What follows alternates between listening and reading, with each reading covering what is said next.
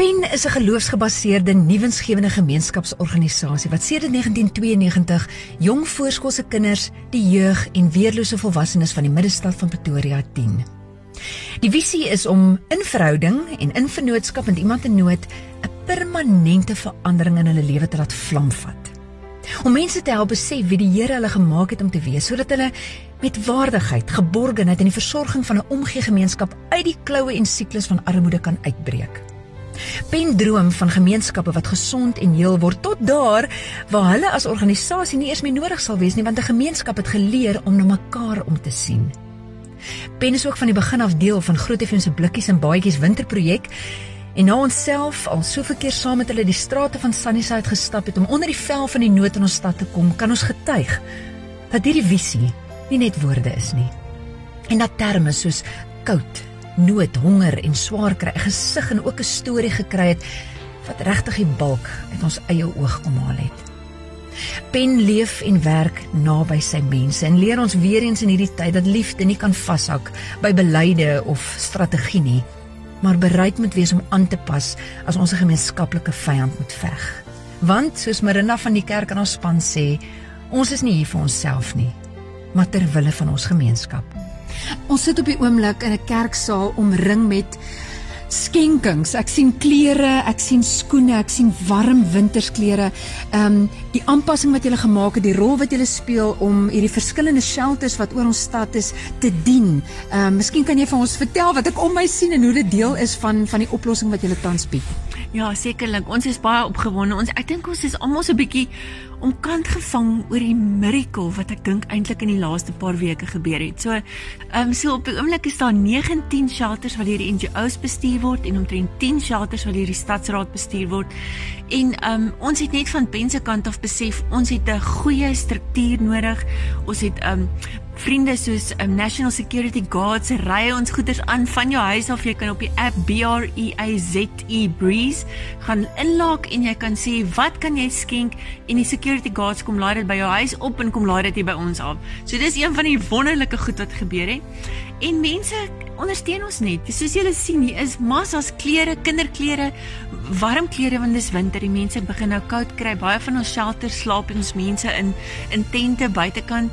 So ehm um, so dit wat julle hier sien is net 'n respons van mense wat by die huis sit en sê hoe kan ons betrokke raak en wat op die ongelooflikste wonderlikste maniere bymekaar kom.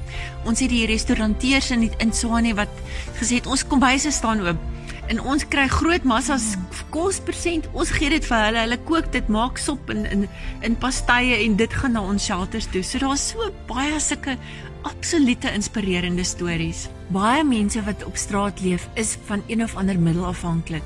So ons het saam met die Kossa program en die Family Medicine van van van Universiteit van Pretoria het hulle 'n program wat hulle noem Methadone. So die Methadone word daagliks toegedien aan persone wat substansafhanklik is. Maar dit is ongelooflik hoe dit werk want elke dag word daai persoon geëvalueer en die Methadone word elke dag minder en minder gemaak.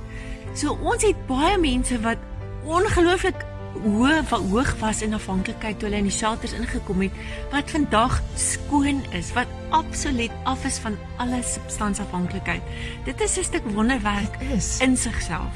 Hmm. Vertel ons bietjie van jou mense en en jy's ook een wat my geleer het. Programme en projekte verander nie mense nie. Dis mense wat die pad met jou stap. Ja, nee, dis absoluut waar, Lindy. Ek ek is oorweldig in hierdie tyd deur in die eerste plek ons personeel. Ek bedoel dis dis gewone mense. Dis mense baie van hulle het nie eens opleiding nie of het nie grade nie of dit is mense met die ongelooflikste mooiste harte en hierdie dienende leierskap verstaan van ek is hier om te dien.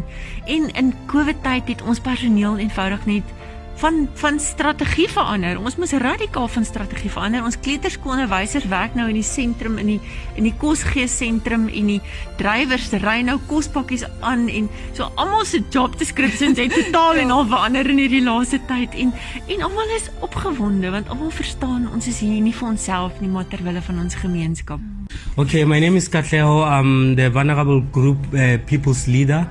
Uh, since uh, we, we heard the news on the 15th of March about the, the COVID-19 in South Africa, we had to make a decision with our team to say, do we allow our community that normally comes to us because it's a dropping center? It was always a dropping center where people come and shower and get assistance.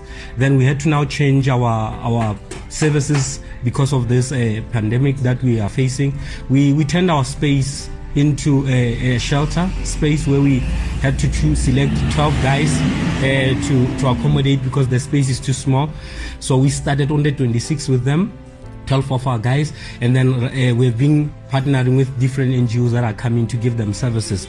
Then uh, we had to now uh, close our dropping center where people can come in every day so that we, we keep the guys that we are, ha- we are having in the center safe so that they don't get infected by those that are, are coming. So we have our health outreach worker that normally comes here every day.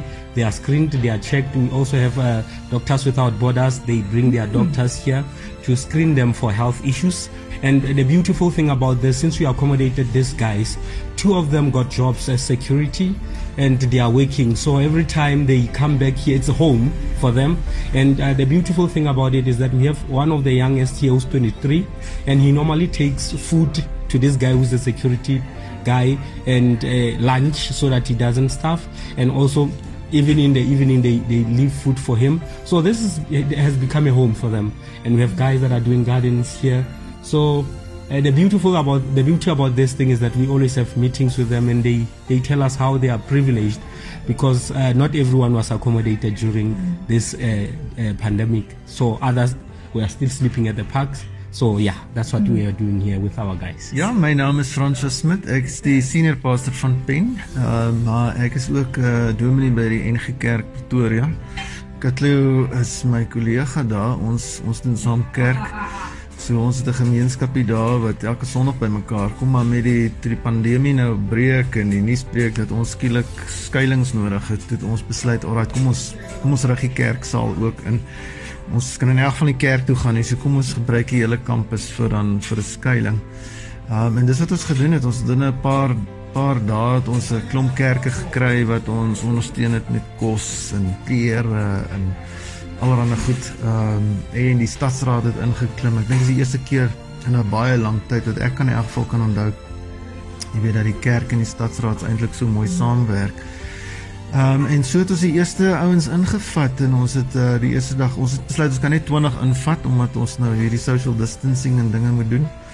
Ehm um, en ons het in die laaste dis nou al amper wat 9 weke ehm um, het ons eintlik 'n ongelooflike tyd gehad om die ouens te leer ken en die verhale van die ouens en hulle agtergrond. Ehm um, uh, tyd het gegaan, ander het weer gekom.